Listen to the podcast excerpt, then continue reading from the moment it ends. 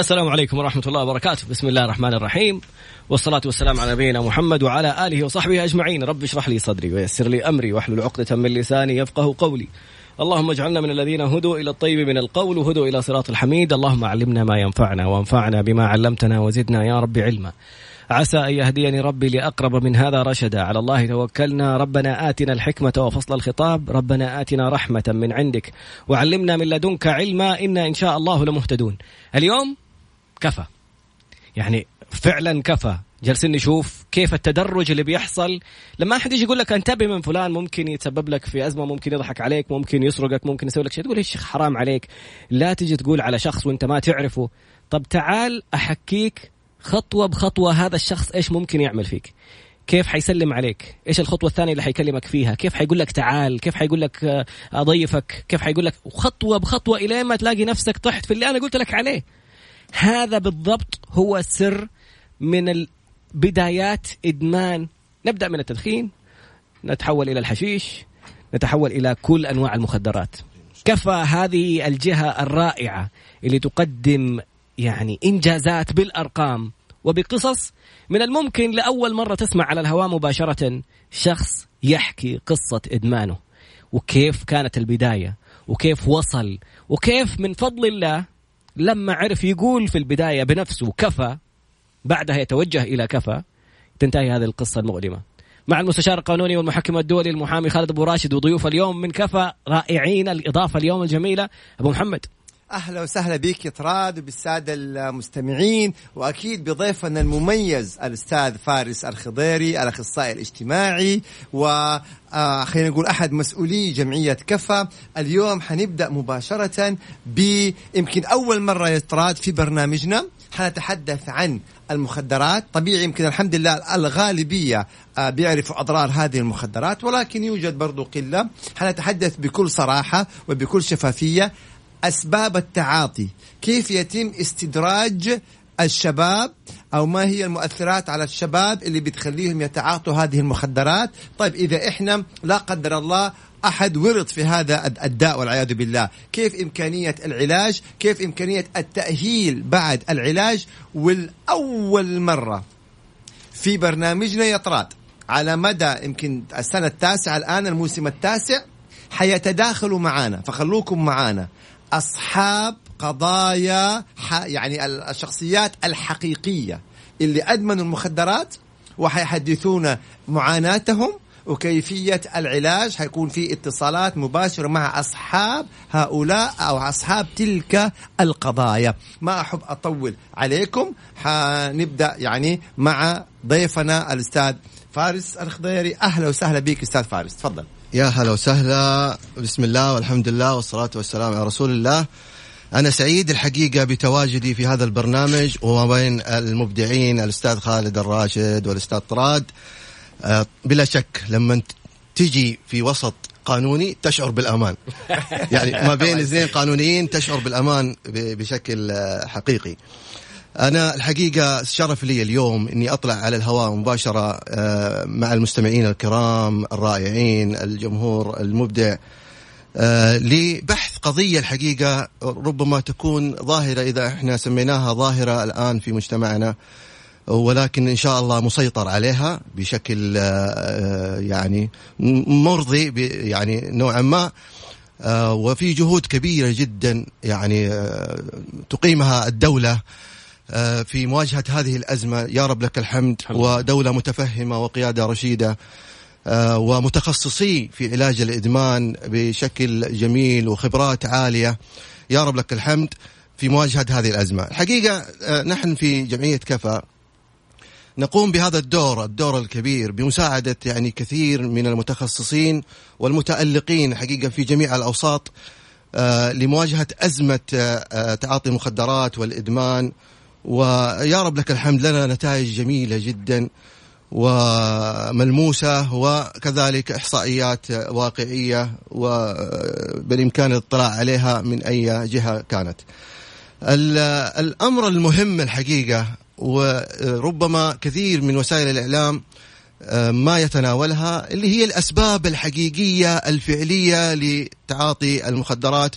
وخلينا آه، نقول لو إحنا قلنا آه الآن لو بنسافر مثلا مستشار خالد طب آه، أستاذ فارس اسمح نعم. لي على المقاطعة عشان تفضل. نبدأ مباشرة قبل ما نتكلم عن أسباب المخدرات نعم. الآن أنا حأسأل سؤال يمكن لأول مرة وحناقشه يمكن بشيء من التفصيل جميل إحنا اللي بنشاهده الآن نعم. في الأفلام بنشاهد في المسلسلات إنه يعني الشخص اللي يتعاطى الحشيش يعني بيكون مبسوط ويضحك وينكت وبين يعني إيه؟ بيهيئوا لنا هذه الصورة. اثنين الشخص اللي بيتعاطى المخدرات يعني إنه هو كده يعني إيه؟ بيهيم في السماء والأمور طيبة ومن يعني إيه؟ فللأسف بتعكس صورة وكأنها دعاية. من خلال إنه دائما يتعاطى حشيش مبسوط ويضحك وينكت واللي يتعاطى مخدرات يعني كده يعني إيه هايم كده وف- وفوق السحاب على قولتهم. هل فعلا هذا هو الصحيح؟ ولا هنالك مآسي حقيقية وهذه الأفلام بتدينا صورة يعني؟ تفضل. نعم نعم بالفعل. ال- أحيانا تكون في رسائل سلبية آه، من وسائل الإعلام عن إظهار صورة للمخدر بشكل إنه آه، شكل سعادة وانبساط وراحة وخروج من من أزمة والى آخره. وهذه الرسائل حقيقة هي رسائل سلبية بحتة وخاصة يعني في بعض الأمور اللي اللي اللي, اللي, تعمل في داخل هذه الأفلام، يعني مثلا خلينا نقول لك أي. لما يجي واحد مثلا يضع في وردة مخدر ويشم الوردة مثلا ويصبح مدمن على طول وهذه الحقيقة ما هي صحيحة من وسائل الإعلام إنه الإدمان من جرعة واحدة لا الإدمان أيوة. لابد أن يتخذ الشخص آه، كذا جرعة لمدة سنة كاملة من التعاطي حتى يدخل في دائرة الإدمان لأنه هناك في آه، ما يسمى الرغبة الملحة وهذه علامة من علامات الإدمان أيضا إنه الإدمان يخرج الشخص من الأزمة أو الضغط أو ال- الخوف أو القلق أو مواجهة المجتمع آه، أو الخجل أو إلى أو آخره إنه يجي يقول لك خذ حبوب هذه تسهرك عشان تذاكر بالفعل. الاختبارات تنشط. تنشط. مقويات جنسية تديك قوة تديك أمور الج- منشطات يقال بالفعل. البعض نعم أوف. أيوه هذه صورة طبعا هي دعاية م- بغض النظر عن المقويات إحنا نتكلم اليوم عن الأشخاص هؤلاء اللي ياخذونها عشان يحسنون أو يصيرون أذكياء أو أو يصبحون. نشيطين أو إلى آخره. هؤلاء اصل في الأصل هم كذا. ولكن آه، أحيانا يصور لهم المخدر إنه لا أنت كنت آه، غبي وصرت ذكي. لكن. هو في الأصل ذكي. فلذلك دائما نقول إحنا ثلاثة أسباب أيوة. نعود ثلاثة أسباب لتعاطي المخدرات. جميل. يعني إحنا ما نتكلم الكلام التقليدي اللي آه، أصدقاء السوء الفراغ هذه هذه أسباب عامة مم. متداولة و- خلاص، وهي معروفة. متداولة ومعروفة في وسائل الإعلام لا إحنا نتكلم عن الأسباب الخفية لتعاطي المخدرات هي ثلاثة أسباب حقيقية أول سبب هو البحث عن السعادة هذا الشخص ليس سعيدا مم. هذا الشخص يبحث عن السعادة مم. يشعر ب ب دائما ب بال- بالحزن يشعر دائما بالقلق يشعر دائما مشاكل، مشاكل إيه. فيبحث عن سعادة هو بطبيعته ليس سعيدا طب هنا سؤال أستاذ فارس هل يجد السعادة؟ طب هو يبحث عن السعادة لما يدخل في هالمصايب ممتاز. هل يعيش السعادة؟ ممتاز. هو لا ي- لا يعيش السعادة وإنما يهرب من الشعور بالحزن وتطليس ال ال ال ال هذا هذا الشعور أو إخفاء هذا الشعور بالمخدر. طيب أحيانا المخدر أخفى. أخفى هذا الحزن؟ في أضرار؟ أخفى هذا الحزن ولكن الأضرار المترتبة على تعاطي المخدر هذا هو. الداخلية للكبد والإنزيمات والغدد. أيوة. يعني أنت تتكلم عن جسم الإنسان هو مصنع للكيمياء للتركيبات الكيميائية. ف آه، ومن يتحكم في هذه التركيبات ويجعل التوازن في جسم الإنسان. الغدد. الغدد. خلينا نخ- ناخذ مثال مثلا غده البنكرياس هي المسؤولة عن فرز الانسولين داخل الدم وضبطه في في في آه، داخل ال- ال- الجسم. لما يتاثر تتأثر هذه الغده غده البنكرياس نشخص هذه الحالة إنه هذا الشخص لديه سكر مريض سكر صح. مريض سكر كذلك الغدة غده الكبد. غده الكبد هي المسؤولة عن السموم فلما ناخذ مثلا خلينا ناخذ مثلا آه، ال- الاوقيه ونص في موضوع ال- الكحول. موضوع اوقيه ونص المقياس العالمي لل- للجرعات. للشات إيه بالضبط. هذا تخيل هذا الكاس. يجلس ثمانية ساعات أوف. تجلس الكبد على تصفية وتخفيف السموم داخل الجسم. فما إذا- بالك لما يكون كاس كامل؟ لما تكون قارورة كاملة. شوف الأذى اللي يتعرض له هذا الكبد وبدل ما يفرز هذا ال ال الإنزيم لتصفية السموم يصبح هناك فرز لمادة أو آه، عصارة اللي هي تسمى تسمى الرغبة الملحة لإعادة آه، التعاطي مرة أخرى إذا نتفق الله. الحالة الأولى أستاذ آه، فارس إنه البحث عن سعادة البحث عن السعادة فيكون تعاسة حقيقة بالضبط،. تعاسة. بيضر آه، جسده بيضر أسرته بيضر بيضر في البداية يعني يتوهم إنه هي سعادة فيدخل في مآسي كثيرة بالفعل. داخل الأخوان بيسألوا طب الناس اللي قد يعني أصلا ورطوا في هذا الأمر كيف ممكن يتأهلوا هذه حنجاوب عليها إن شاء الله تعالى في مرحلة نرجع. قادمة في هذه الحلقة نرجع للمسببات بس مرة دي السبب الثاني السبب الثاني السبب الثاني هو ال ال أول شيء البحث عن ال- السعادة. الهروب من الألم. الهروب من الألم. هذا الإنسان يتألم. هذا الإنسان تعرض لمواقف صعبة ممكن في في. حياته. نعم في كيف الصغر لي. في مراحل العمرية. أعطيهم قصة الأستاذ فارس اللي أعطيتها لنا إياه أمس. طبعا آه، دائما إحنا ال- القصص مستشارنا خالد ما نذكر فيها إيه الاسماء طبعاً، للسريه طبيعي. وال- والمجهولية. ولكن أحد الحالات اللي اللي تعرضت لموقف مؤلم. يلا استمعوا يا طيب. شباب. إنه هذا ال- ال- ال- الطفل كان طفل. كم في عمره؟ مرحلة عمره تقريبا تسع سنوات. تسع سنوات. تسع سنوات. في أيام ال- الأفلام وهذه رسائل الإعلام. أيام الأفلام القديمة طبعا القناة المصرية الأولى والثانية أيام الاريال آه، الشغل القديم. فكان يعني في في نوع من من ال- القبلات إلى آخره. فكان هذا الطفل مع أخته قبلها. بريء. طيب. لا بدون شهوة يعني بدون أي شيء. باس أخته؟ بس أخته. واخته اللي عمرها كم؟ عمرها عشر سنوات. طيب. فكان يعني هم بمجرد ما شافوا الموقف قال خلينا نجرب. الأب شاف الابن قبل أخته على طول مباشرة ثار هذا الأب وعنف ابنه هذا ال- المتحدث. آه اليوم عمره طبعا آه 28 سنة هذا ال- آه، الرجل. بس خلينا نرجع ثاني. عنف ال- الأب عنف- ولده. إيش سوى؟ عنف ابنه وكان في عندهم في نفس البيت منور. هذا الابن جلس سنة كاملة يدخل المنور. يدخل سنة؟ المنور سنة كاملة يدخل المنور تعرف المنور وما فيه من حشرات. حشرات وقذارات وأنتم بكرامة والسامعين وكان هذا هذا الشاب ما ينام يشعر بالخوف المستمر يعني والقلق حبس ابنه سنة كاملة في المنور، المنور هذا. في وسط المنزل زي زي فتحة الأسانسير اللي يعني تحت بالضبط. الدرج اللي, اللي بالفعل. إيه، حبسوا سنة كاملة، كيف حبسوا أستاذ؟ حبسوا كيف يروح طبعا المدرسة ويرجع؟ يخرجوا وقت المدرسة مم. ويروح المدرسة يحضر المدرسة ويرجع مرة ثانية يدخل المنور يدخل أكله يدخل شر- شربه عشاء. في المنور كده. سجين. سجين. سنة هذا الشاب يقول أنا كنت أهرب من المدرسة عشان أس أنام ماني قادر أنام في. تحت المنور. كنت أروح فوق سطوح عمارة أروح آه، أشوف لي ظلة معينة فيها هدوء أروح أنام. ووقت الصرف أجي عند المدرسة عشان أبوي يجي يأخذني عشان عارف وين أنا رايح. سنة رايح إلى كاملة. المنور مرة ثانية. اليوم هذا الشاب هو مضاد للمجتمع. مشخص. مشخص إنه مضاد للمجتمع. يتعاطى المخدرات وأصبح آه، جدا خطير. طبعا. هذا اللي إحنا نتكلم عنه عن رسائل الإعلام وأيضا عن التعنيف وال- والألم. يعني السبب الثاني اللي هو الهروب من الألم اللي تعرض له إذا هذا الشاب نتفق إنه من الأسباب التربية الخاطئة بالضبط يعني التعنيف الشديد التعنيف المبالغ فيه صحيح. الإساءات فيطلع ناقم على المجتمع طب. أستاذ فرج تعطيتني قصة أخرى يمكن أنه والعكس صحيح أيضا نعم. الح- الانحلال الانحلال الزايد يعني لما يعطي أولاده فلوس ولا يسألهم طيب كيف بيصرفوها قبل أبو محمد خلينا نرجع. للسبب الثالث عشان نخلص الأسباب بعدين نشوف. كيف ممكن الخطوات اللي طيب فيها عندنا السبب الثالث وهو تحسين الآداء. مم. تحسين الآداء. هذا الر- الرجل غير راضي عن نفسه عن آدائه. دائما ينتقد ذاته في أعماله آه، في إنجازه مثلا في البيت في خارج ال- دائما يوصفوه بأنه كسول يوصفوه بأنه غير منجز إنه فاشل إلى آخره فيأخذ هذه الأشياء ظنا منه إنه هو يحسن اداءه مم. فبالتالي يدخل فيها التنمر إنه الناس تتنمر عليه فيشعر إنه هو بالضبط، أو هو ضعيف. أو إنه كذا فاشل تقديره ف- لذاته. ضعيف. فيصبح هذا الرجل آه، يعني آه، خجول آم، حي ما هو قادر ياخذ حقه أو دائما يتنازل عن حقوقه فبالتالي هو قاعد يحسن الأداء وهذه الثلاث الأسباب الحقيقية خلفها الفراغ.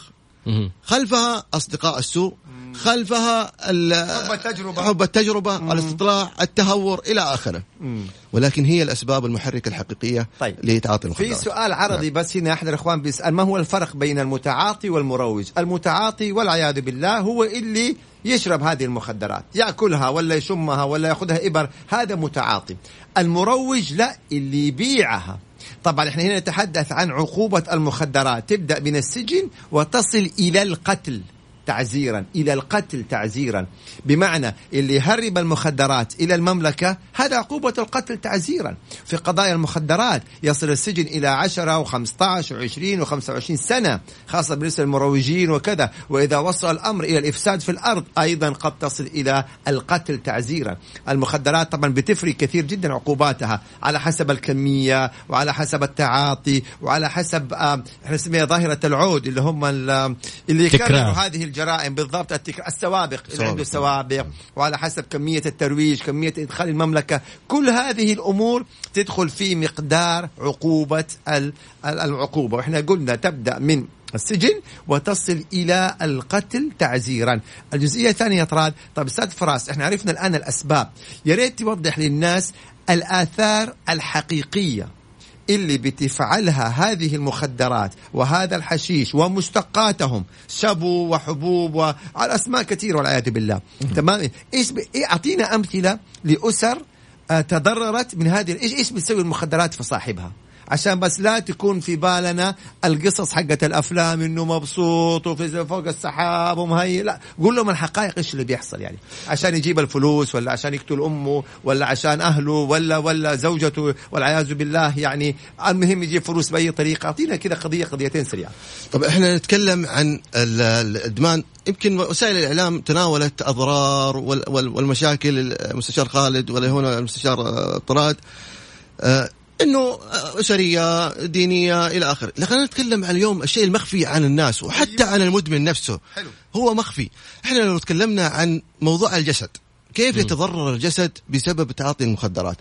نتكلم عن آه، الكبد. إحنا تكلمنا عن الكبد وكيف الكبد يتحول من محارب إلى السموم إلى آه، إلى متضرر ضرر كامل. ويصبح الكبد هذا بدل ما يكون مساعد للجسم ينتقم من الجسم. سبحان الله. تخيل تخيل يعني آه، إحنا ممكن لذلك نشوف جسمه نشوف يعني اللي بيتعاطوا المخدرات إلى مدة طويلة نشوف يبدأ جسمه يصير هزيل ويبدأ كذا يمكن بهذا بالضبط بسبب الكبد بسبب ع- قلة المناعة بسبب إنه خلاص ال- السموم اللي موجودة في داخل ال- الكبد ما عاد يستطيع الكبد إلى مواجهتها ويصاب بفيروس الكبد ال A ال B ال C إلى آخره من من الالتهابات الكبدية. بالإضافة إلى آه، شيء إحنا نسميه الحساسية الجسدية الحساسية الجسدية الآن لو واحد عنده حساسية من البيض لو أكل البيض على طول يصاب بنوع من. الحكة وبذور إلى آخره. كذلك تعاطي المخدرات من من من العوارض لتعاطي المخدرات أو عارض تعاطي المخدرات الرغبة الملحة والحساسية الجسدية. الرغبة الملحة اللي هي العصارة حقت الكبد تفرز من أول جرعة تقول له تعال هات الثانية هات الثالثة. سبحان الله. هات الرابعة. أيوة هات الخامسة. هي مهمة. يعني إذا اللي يتعاطى جرعة يبدأ جسمه كل فترة يقول له يلا بالضبط. يلا يلا. يعني يعني جزئية وهذه خلونا مع بعض يا شباب. جزئية إني أنا أجرب واحدة مرة وخلاص. نعم. بس المهم إني جربت. هذه مسألة خطيرة لأنه أنت ما تضمن حكاية أجرب وخلاص. حتكون فيها إيه؟ اثنين وثلاثة والجسم يبدأ يطلب. بالفعل. وهذا يخليه أحيانا ما يكون متكرر يكون لا من فترة لفترة. إلى ما يصبح هناك مرض يعني مرض مزمن. لما نقول مرض مزمن مرض الإدمان هو مرض ما له علاج. ما له علاج نهائيا. ما في علاج طبي إلى الآن لعلاج الإدمان. زيه زي السكر زيه زي أمراض القلب زي حيبقى طول عمره هو مريض مرض مزمن. لذلك يمكن محاصرته ولا يمكن علاجه لذلك إحنا دائما نقول إحنا ما نيأس الناس ولكن نقول له في حل إنك أنت تدخل برنامج والبرنامج هذا يبقى معك طول حياتك زي مريض السكر لما يأخذ الحمية ويجلس طول حياته يأخذ الحمية والإنسولين ويبقى حي ويمارس حياته بشكل طبيعي. فبالتالي لا ندخل في مسألة أو مساومة أو لعب قمار أحيانا بحياتنا. إني أجرب واحدة وخلاص. لا أجرب. واحدة وخليني أيوة أغير جوي لا تغيير الجو هي تغيير حياة تغيير مبادئ تغيير قيم تغيير تفكير تغيير شخصية إلى آخره. هل عدى عليكم بأمانة أستاذ فارس؟ نعم.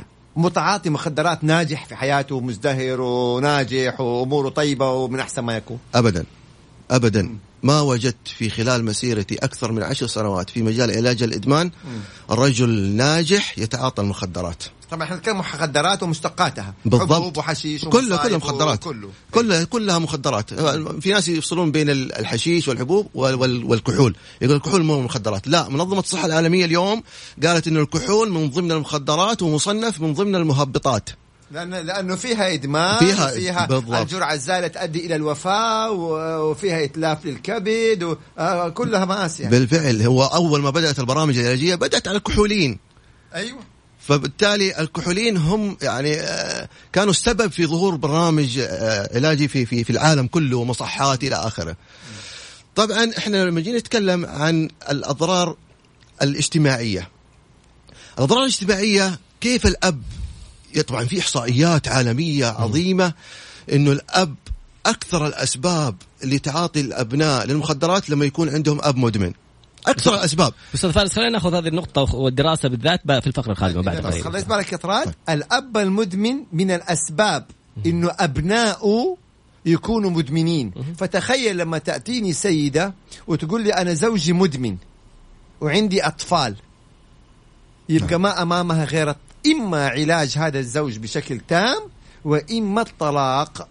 يعني خيارين لا ثالث لهما لأنه يا إما يتعالج هذا الأب وبالتالي الحمد لله تحافظ على الأسرة أو الطلاق عشان تحمي أبنائها. أستاذ فارس اليوم بيقول إنه الأب المدمن سبب لتعاطي الأبناء. بعد الفاصل إن شاء الله تعالى حنكون حيكونوا معانا قضايا وأصحاب القضايا الحقيقيين اللي عانوا هذه المأساة. خلوكم معنا فعلا اليوم حلقة بوجود الأستاذ فارس مميزه غير. سيبوكم من طراد ما. يعني مرة ثانية الموضوع المهم على قولك مهما حاولت أنهى أو أأمر ابني بشيء ما في جي زي القدوة. لما أنا أشوفك بتتعاطى شيء كيف تقول لي لا تدخن وأنت بتدخن أمامي؟ كيف بتقول لي بكرة أعرف عنك أنك لا قدر الله بتحشش؟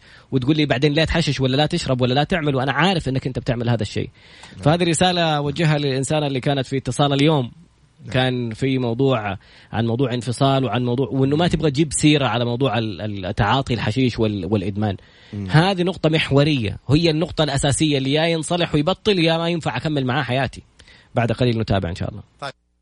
عودة أخرى مع المستشار القانوني والمحكم الدولي المحامي خالد أبو راشد وضيف اليوم الأستاذ فارس الخضيري والجهة الرائعة يعني ال- المنقذة لكثير من الناس كثير من الناس تخاف إذا وقع في الإدمان أن يتحدث. الفضيحة زي ما أبو محمد كان تحت الهواء بيتكلم عن هذا الموضوع. فين حروح؟ إيش ال- الأشياء اللي حتصير فيني؟ الخوف من هذا الموضوع. آه، طب حي حيشهروا فيا حدخل سجن حيصير لي مشكلة؟ كل هذه الأشياء خلينا نسمع بأنفسنا أحد الحالات اللي بكل شجاعة بعد فضل الله إنه عرف يقول كفى وعرف يتوجه إلى كفى وعرف بكل جرأة ونشكره على هذه الجرأة الرائعة الشجاعة إنه يطلع يقول هذه قصتي. السلام عليكم ورحمة الله وبركاته. السلام عليكم ورحمة الله وبركاته. عليكم السلام ورحمة الله وبركاته. شكرا جزيلا. يعني ما تتخيل إحنا حاسين بإضافة رائعة لأنه مهما تكلمنا عن أحد مو زي لما الشخص يتكلم عن نفسه بنفسه. تفضل سيدي. كيف كانت البداية؟ كيف أول خطوة في اتجاه الإدمان؟ وشكرا على صوتك. كيف بكل شجاعة بتعطينا أمل أنه مهما حصل في, في, في هذا الأمر كيف ممكن أرجع بكل ثقة وبكل قوة؟ تفضل. كيف كانت البداية؟ حبيبي الله يسعدك. آه، طبعا أنا أول شيء كذا نبذة بسيطة. أنا مدمن آه، لمدة آه، 11 سنة. آه، أبحث عن السعادة وما وجدتها للأسف. آه، كنت أعتقد أول أن أنا فعلا سعيد. وكل يوم أبحث عن الجرعة هذه لكن للأسف للأسف ما سعادة ممكن مؤقتة بدائية بداية الإدمان أو بداية التعاطي طبعا أنا أول كنت أفهم أنه الإدمان آه، في مواد معينة فقط أو مسميات يعني أشياء. فأنا مادتي كانت الحشيش. كنت ما أعتقد ولا أؤمن أنه الحشيش مادة مدمنة. كنت أتوقع إنه أنا إنسان صاحب مزاج أو صاحب هوى أو صاحب كيف. هذا في بداية الإدمان مرحلة التعاطي. اتطورت المسألة تطورت معايا.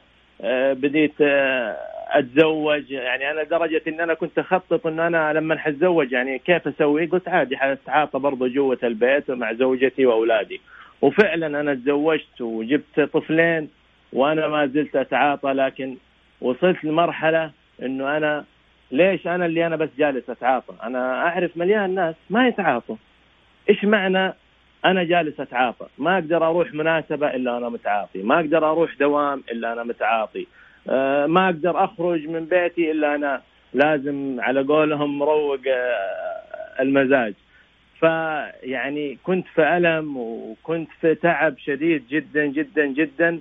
كنت أسير للمادة وكنت عبد للمادة والبياع. يعني أنا كنت يعني فعلا عبد. يعني مهما أول أشوف لا أنا وصلت مرحلة انه أنا فعلا أسير للمادة هذه. راتبي وقتي جهدي فكري عملي كله كيف أنا أحصل على المادة هذه وكيف أمنها لمدة يوم لمدة أسبوع لمدة شهر على قد ما أقدر أنا أمن المادة هذه هي صارت أصبحت هدف أمام عيني. زوجتي أولادي ما كانوا ذيك الأهمية أنه أشياء الروتينية والرسمية يعني. يعني أنا كان اهتمامي 99% في المادة و1% لأسرتي من ناحية احتياجات مادية احتياجات أسرية. كانت هذه حياتي يعني باختصار اللي هي مدة 11 سنة. إلين الله أكرمني بفضل من الله وأحد الزملاء يعني قال لي روح شوف كفى ما أنت خسران شيء.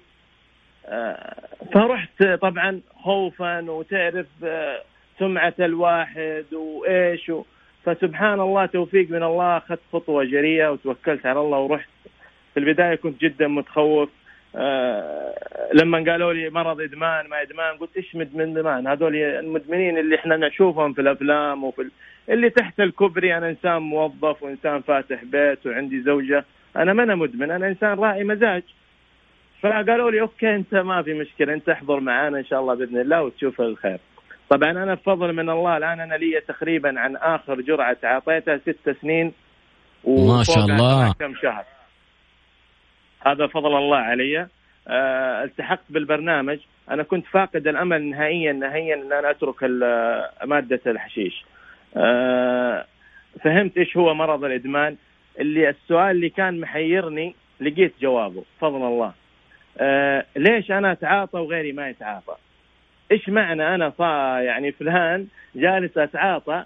ما أقدر أروح ما أقدر أعيش حياتي اليومية طبيعي. لازم أنا إنسان لازم أحشش. ليش؟ يعني هذا السؤال كان جدا يحيرني. آه فضل الله ثم البرنامج جمعية كفى أنا لقيت جواب للسؤال هذا. آه هي مشاكل كانت طفولية اعتداءات جسدية اعتداءات لفظية عدم احتواء من من الأهل ما في أي تحفيز ما في أي تشجيع. دائما يعني توبيخ يعني ممكن أسوي أكبر إنجاز في الطفولة. يعني ما في ذاك الإطراء الجميل. لكن أقل غلطة ممكن أسويها كلمات ممكن أول ما أنا فاهم الشيء هذا لكن البرنامج اليوم وعاني إنه أنا فعلا هذه الأشياء اللي هي سببت ألم عندي وخلتني لمدة 11 سنة وأنا أهرب من ألمي وأبحث عن السعادة وداري ألمي. لكن ابدا ما في أي نتيجة. آه طبعا أنا كنت آه جدا جدا محطم ما عندي أي أمل. اليوم فضل الله آه أنا إنسان قدوة لزوجتي قدوة لبيتي. اليوم أنا محتوي بيتي. اليوم أنا جالس اعوض اولادي اليوم أنا جالس أحتويهم أحضنهم. أقل كلمة اليوم أنا اطري عليهم إطراء جميل. أبسط إنجاز. لو شالت الكاسة من الطاولة وديتها المطبخ يعطيك العافية. الله يسعدك. شكرا لك. آه هذه يعني أشياء بسيطة آه كنت أنا ما في الطفولة ما ما أسمعها. آه ممكن تهزيء. إذا طاحت الكاسة انكسرت ممكن كنت أندبر عشان ليش طيحت الكاسة وانكسرت. طيب يا أخي أنا طفل طاحت مني كاسة. رجال كبير اليوم تطيح منه كاسة. يعني إيش المشكلة؟ اليوم أنا جالس أعوض. أنا اليوم ما أبغى أبنائي يعني يحسوا بالألم اللي أنا حسيته. آه اليوم أنا طبعا اللهم لك الحمد أنا موظف في أكبر الشركات في المملكة آه، إداري كبير تحتي مهندسين تحتي آه، مصممين دكاترة مدراء فنادق. يعني لأني قلت لليوم فقط وقلت كفى. إحنا فخورين فيك جدا. ما تتخيل ردات الفعل كنا مقفلين مايكاتنا بس عشان نسمع لك. وفخورين بردة الفعل هذه أمس. كنت في لقاء في صباح العربية على نفس النقطة. الكلمة إيش أثرها؟ إيش بتسوي في الإنسان؟ يعني كلمة تشجيع إيش تخسر إلى ما تقولها لابنك ولا تشجع؟ الأسر اللي بدون ما تكون يعني تعلم لا تحبطوا أولادكم. بس تخاصموهم تخاصموهم. أنت غبي أنت أبلة أنت ما تنفع أنت عمرك ما راح تنفع. أوف. شوفوا كيف تولد الناس لما يكبروا. يعني لا إحنا نكون سبب إن أولادنا يطلعوا فاشلين. زي ما الأستاذ الرائع اللي اليوم أعطانا الدرس لنا كلنا استفدنا منه. نمي روح الفخر في أبنائك. شجعوا أثني عليه. إن أخطأ عاقب بالشكل الصحيح وإن أجاد أثني. إحنا حتى ربنا عز وجل في جنة وفي نار. لا يكون بس سلبيين انتقاد انتقاد. تهزيء تهزيء بتكون هذه النتائج. بس سؤال سؤال أخير في قبل ما نختم اللقاء معك. كيف كانت أول خطوة أول سيجارة حشيش أول جمعة أول شخص اتصال؟ كيف كان مين المروج؟ كيف بدأت الخطوة إني أنا أتواصل مع مروج أقول له أعطيني مين كان الموضوع هذا مخيف لكثير من الناس. كيف كانت الخطوة الأولى؟ الخطوة الأولى طبعا في أفكار من أول موجودة أنه مادة الحشيش هي مادة مسعدة أو تجعل الشخص دائما يضحك وينبسط. آه، طبعا هي آه، ما هي ما هي بال بدايتها ممكن كأول جرعة لكن أنا كأول جرعة فعلا كانت تجربة مع شباب. أفكار من أول مخزنة عندي أنه مادة الحشيش تسعد وتبسط الواحد. جمعة شباب كانوا بيتعاطوا قدامي. ف يعني كانت تجربة ما أنا خسران شيء خليني أجرب. أو ممكن آه، هي بس كذا يعني زي ما يقولوا أنا أبغى أنبسط في ذاك الوقت. ممكن أنا وقتها كنت أشعر بألم آه، جدا جدا جدا كبير يعني. كان في يعني اعتداءات جسدية اعتداءات لفظية آه، أشياء يعني من هذا القبيل. فخلتني أدور على حل كان هذا هو ممكن الحل الأمامي اللي أنا وقعت فيه اللي هو خليني أجرب. بس ما كان بالمفهومية هذه أو بالفكر هذا إنه سيجارة حشيش وليلة وحتعدي. لكن السيجارة هذه آه، خسرت آه، خسائر كبيرة. آه، تخيل خسائر لمدة 11 سنة. جسدية اجتماعية دينية أسرية مادية ربانية. يعني خسائر ما تحصى عاجزين عن شكرك بصراحة سعيدين بجرأتك وبكلامك وشايفين النتائج اللي الآن بكل فخر جالس تقول أنك وصلت لها وكيف وصلت في منصبك وفي كل التفاصيل هذه. ما أعرف إيش أقول لك بصراحة غير أني أشكرك على لسان كل الحاضرين وكل المستمعين اللي جالسين الآن بياخذوا درس أكبر من أي محاضرة ولا ندوة ولا شخص مسؤول يتكلم. أنت إنسان أمامنا واقع وكيف الآن من فضل الله أقلعت عنه أكثر من كم؟ ست سنوات ولا ست أشهر قال؟ ست سنوات. ست سنوات ما شاء الله لا قوة إلا بالله. شهر كمان. هذا تاريخ ميلادي يا حبيبنا الله يكرمك ويبارك لك ويزيدك من فضله يا رب.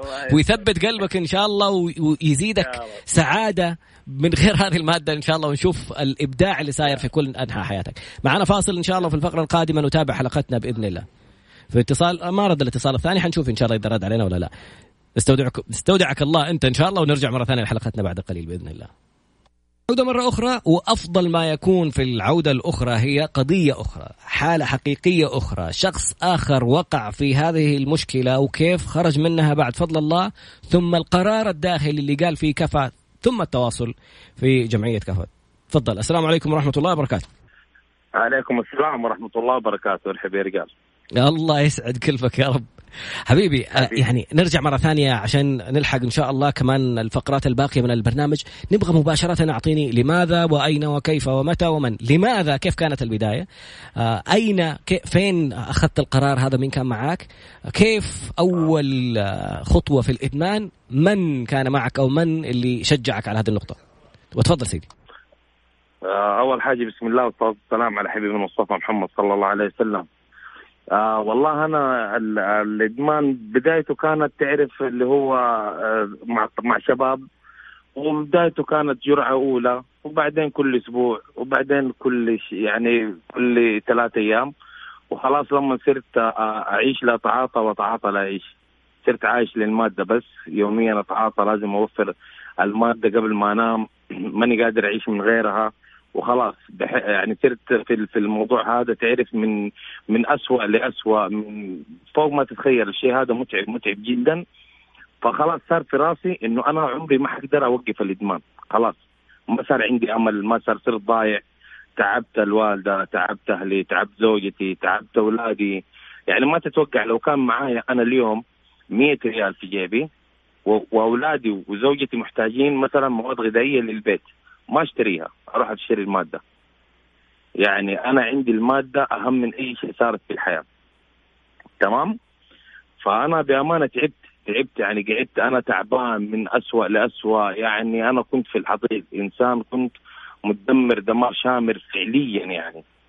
فالحمد لله إنه ربنا سبحانه وتعالى اصطفاني من عالم كثير وجابني الجمعيه طبعا أول ما رحت الجمعية أنا كان عندي خوف كان عندي شكك كنت خايف انه إنه ما أقدر أسيب المادة. لما جيت الجمعية بفضل الله سبحانه وتعالى لقيت ناس احتضنوني ناس طبطبوا علي ناس قالوا لي تعال احترموني ابتساموا في وجههم. بديت إنه أنا يعني كده أرتاح لأنه أنا في الإدمان ما كان أحد يبغاني ولا كنت كان أحد إنه يبغى سيرتي ولا كان أحد يبغى يشوفني أصلا من من الأشياء اللي أنا أسويها. سيدي إيش إيش السبب كان؟ إيش الدافع؟ إيش اللي خلاك تبدأ هذه الخطوة؟ آه، خطوه التعافي؟ التعاطي التعاطي والله زي ما قلت لك هو شوف الجليس السوء عارف وكانت في بدايتها سفر فاستخدمت المادة وتعرف الواحد لما أول مرة في حياته يستخدم المادة تتفتح عنده تسع صمامات لمرة واحدة في حياتك لو قعدت تتعاطى عمرك كلها التسع صمامات هذه ما تتفتح فتحس بنشوة المادة عارف؟ فخلاص صار صار أتطور. عندي شغل كثير أتعاطاها عندي زواج أتعاطاها عندي سفر أتعاطاها وخلاص صارت كل يوم صرت كل يوم خلاص في المادة. فصارت هي أولوية عندي. آه أهم شيء عندي المادة صار. كيف عرفت عن كفى وكيف أول قرار إنك يعني تكسر حاجز الخوف وتروح تكلمهم وتتواصل معهم. مين بلغك عنهم؟ مين قال لك مين دلك عليهم؟ أنا قبل ما أخش كفى بيوم كنت في الشباك كنت يومتها كنت نشط كنت متعاطي تمام؟ وأنا تعبان نفسيا. أنا وصلت مرحلة إنه خلاص يعني وصلت للاكتئاب خلاص. فقعدت أتكلم مع الله عز وجل. أقول له يا رب أنا خلاص أنا إنسان تعبان ماني قادر. خذ أمانتك وريحني. أنا ماني قادر. العيشة اللي أنا عايشها ماني قادر. أنا قعدت أبكي أبكي وأتكلم مع الله وأبكي وأبكي. قعدت أتكلم وقت طويل. قاعد أقول يا رب أنا والله ماني قادر أستحمل ولا شيء. أمي زعلانة مني أخواني عيالي. يا أخي أنا ولدي عنده تبول لا ارادي بسببي بسبب الصراخ والهم اللي جبت لهم إياه والغم. يا أخي أنا نهيت نفسي نهيت مجتمعي نهيت دولتي نهيت حياتي نهيت زوجتي نهيت أولادي نهيت أمي. خلاص أنا ماني قادر ماني عارف. أنا في راسي خلاص إنه أنا ما حقدر أوقف. فقعدت أتكلم مع الله عز وجل أقول له يا رب أنا تعبان. أنا ماني قادر أعيش. خذ أمانتك وريحني. شايف أنا أنا شايف قدامي ما في حل إلا هذا إنه أنا أموت. تعبت فعليا. فالحمد لله بفضل الله عز وجل. بعدها بعد اليوم هذا اللي تكلمت معاه تكلمت مع الله عز وجل واشتكيت له طبعا كل اللي فيه بس أنا اختصر لك يعني. و... وكنت أنا وقتها أبكي زي الأطفال تعرف؟ ف ف جاني شخص وكنت أتكلم معاه يعني أخو زوجتي وقلت له يا أبويا أنا كيد كيد قال لي أقول لك في جمعية كيد كيد كيد اسمها جمعية كفا للادمان وزي كذا فقلت صراحة أنا مشيت مشيت مع الفاشلين وصرت أفشل واحد فيهم. خليني أمشي مع الناجحين خليني أشوف أجرب مو غلط. والحمد لله رحت الجمعية احتضنوني بطريقة فظيعة يا أخي. ما ما عمري خشيت محل واستقبلني الاستقبال هذا. انت اليوم عريس أنا برافو الخطوة هذه اللي اللي اللي سويتها. وخلاص بديت يعني بديت أشعر بالأمان. حسسوني إحساس جدا حلو بعد التعب اللي أنا عشته. أنا قعدت عشر سنوات في المرمطة والتعب في البهدلة هذه اللي أتكلم لك عليها. رحت الجمعية الله يجزاهم خير. الله يشكرهم من من صغيرهم لكبيرهم. فرحت الجمعية احتضنوني وكلموني وفهموني. في مقولة في الجمعية تقول دع القيادة للقائد أنا الآن ما أقدر أقود هم اللي يقودوني. لأن ما عندي أنا مغيب عن العالم ماني عارف إيش اللي يحصل حواليني. فخصصوا لي معالج خاص وخصصوا لي آه، آه، علاجات وكان كل يوم عندنا تحليل وكان كل يوم عندنا اجتماعات لمدة شهرين. بعدين تنتقل للمرحلة الثانية اللي هي 12 خطوة في مرحلة ثالثة اسماء الله الحسنى. يعني شيء جميل أنا حسيت بالأمان في الجمعية هذه خلاص. فادوني محاذير اللي هي أدوات أشخاص أماكن هذه لازم أنا ما أتجاوزها عشان أستمر في البرنامج. الأدوات اللي أتعاطى فيها الأماكن اللي كنت أروح أشتري منها الأشخاص اللي كنت أتعاطى معاهم. هذه قطعتها خلاص. فصرت جمعية بيت جمعية بيت. فخلاص صار عندي معالج خاص عندي في الأسبوع آه ثلاثة جلسات علاجية مع المعالج. ولو في شيء أبغى أقول له ما يمنع يعني. لو اتضررت من حاجة وأي شيء. فقالوا لي لو أي وقت في أي وقت شوف العالم هذول يعني يعني يدوك عطاء بدون مقابل يعني الله يديهم الأجر والله يرفع قدرهم ويسعدهم يا رب. أي وقت كان جاتك أعراض انسحابية أو كان أنت حسيت نفسك إنك تبى تروح تتعاطى تدق علينا. فاي وقت فاي وقت كنت أنا أحس نفسي إن أنا ابى أتعاطى وتجيني أعراض انسحابية أكون منزعج من الموضوع أتصل عليهم. يعني في اي وقت أنا ألاقي ناس ألجأ لهم وناس يدلوني على الطريق الصحيح وسويت معاهم عمرة وفي برنامج رياضي وطلعت معاهم الحج حجيت الحمد لله. أول مرة في حياتي حج مع الجمعية وأول مرة أسوي عمرة صحيحة مضبوطه مع الجمعية. يعني صراحة يعني والله شكر من القلب من من صغيرهم من أصغرهم لأكبرهم من البواب لمدير الجمعية. يعني إحنا اللي عايزين حقيقي عن شكرك. ما أعرف إيش أقول لك. إحنا ساكتين وب... وال... والكاميرا كذا لقطت كم مشهد. أبو محمد حاول يبعد عن الكاميرا لأنه أنت بتتكلم بطبيعتك وما أنت عارف أثر اللي أنت بتقوله كيف على كل من يسمعك. يعني فخورين فيك حقيقة. إن شاء الله في الفقرة القادمة إحنا يمكن انتهت معنا الفقرة هذه كنا نتمنى نسمع منك أكثر لكن الفقرة القادمة بإذن الله حيكون معنا مدير الجمعية مباشرة وفي مداخلة. لشخص أنت تعرفه. أستاذ فارس. السلام عليكم. السلام ورحمة الله. هلا الشيخ فارس. هلا بالحبيب هلا بهالصوت والله. أشعر أشعر بسعادة لما أسمع صوتك. حبيب الله يرفع قدرك يا سيد الناس. أنا عاجز عن شكرك وعن آه شكر كل القائمين في الجمعية على الأشياء اللي قدمتوا لي إياها. والآن أنا لي ست سنوات وأربع شهور واقف عن التعاطي عن آخر جرعة أخذتها. شكرا لك من القلب. وأنا عاجز صراحة إنه إنه إنه أشكرك يعني ماني قادر أوفيك حقك ولا حق الجمعية اللي قمت الدور الكبير العظيم اللي, اللي قمت فيه لأنك أنت عارف يا شيخ فارس المدمن لما يتعافى مو يتعافى هو لحاله يتعافى هو وتتعافى أسرته وتتعافى أمه ويتعافى المجتمع كله. حبيبي حبيبي أنت تعرف إني أنا أحبك وأحب أبنائك كلهم. صحيح. أه كلمني عن اللي كان يتبول لا ارادي كيف الآن؟ آه الحمد لله بفضل الله اليوم هذا اللي آه، ولدي الكبير طبعا هذا الله يسعده يا رب. آه الآن أنا وياه زي الأصحاب. الآن أنا وياه يعني ما تتوقع إنه هو يتصل علي يقول لي يا بابا متى تخلص شغلك وحشتني؟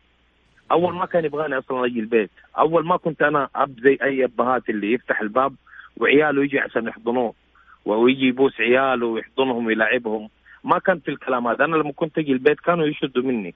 يندسوا مني. وأنا بي... وأنا ما ما بشوفهم لأن ما كنت واعي. أنت عارف الكلام هذا.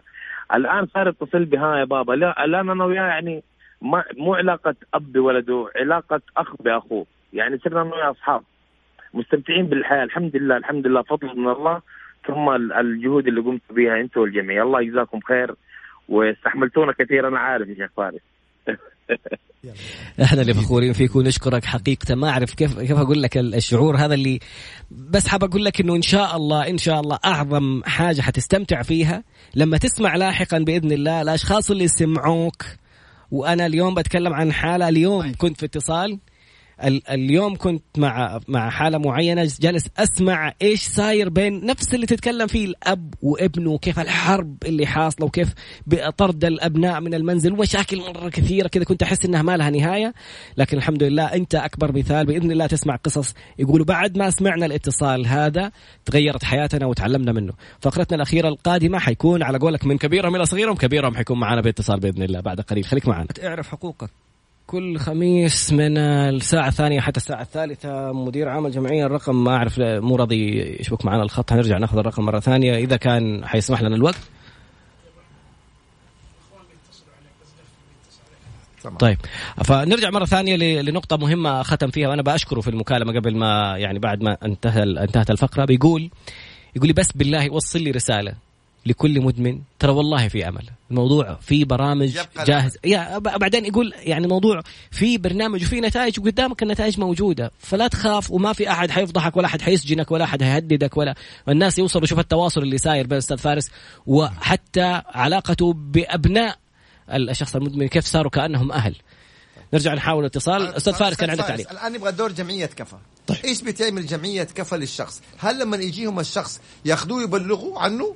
يودوه المخدرات يودوه السجن ولا يحتووه يعالجوه تفضل. طبعا إحنا دورنا في جمعية كفى استقبال الحالة من البداية وعمل لها تقييم مبدئي وبعد كذا نضع له الخطة العلاجية. طبعا هذا كله تحت غطاء السرية والأمان والاحتواء والاحترام. يعني لا تبلغوا أهله. أبدا. ولا تبلغوا شرطة. ابدا. ولا ابدا. تاخذوه دوركم إنكم تعالجوا هذا الرجل. الناس يعتقدوا مستشفى الأمل. إنت نعم. أستاذ فارس أمس قلت لي لا. نعم. مستشفى الأمل تعالج طبيا تسحب السموم. لكن التأهيل هو الأهم وهو الأخطر. لأنه نعم. ممكن حتى وانت تعالج ارجع تفضل. صحيح مستشفى الأمل لها دور اللي يسمونه الديتوكس اللي هو إزالة السموم من الدم. وأيضا عندها دور تأهيلي ودور قوي جدا. يعني إحنا نتكلم عن البرامج التأهيلية اللي موجودة يمكن في المملكة. كان سبب فيها مستشفى الأمل يعني جزاهم الله خير يعني جميل تدربوا العالم هناك. جميل. فبالتالي إحنا امتداد لهذه الجهود.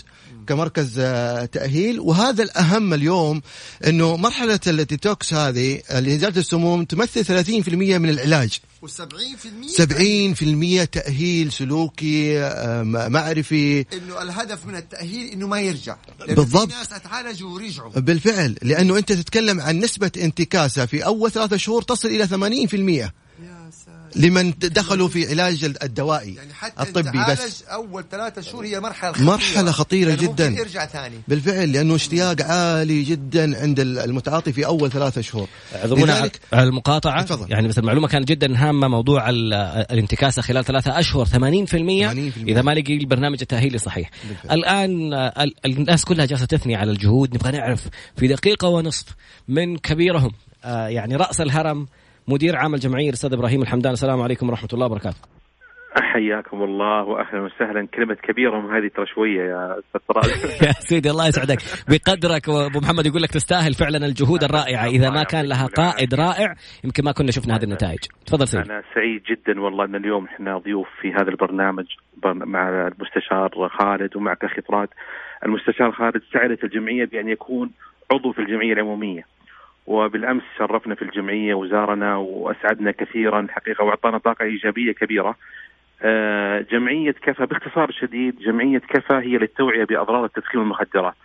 برنامج اليوم برنامج الرعاية والتأهيل هو جزء من 12 برنامج تقيم الجمعية.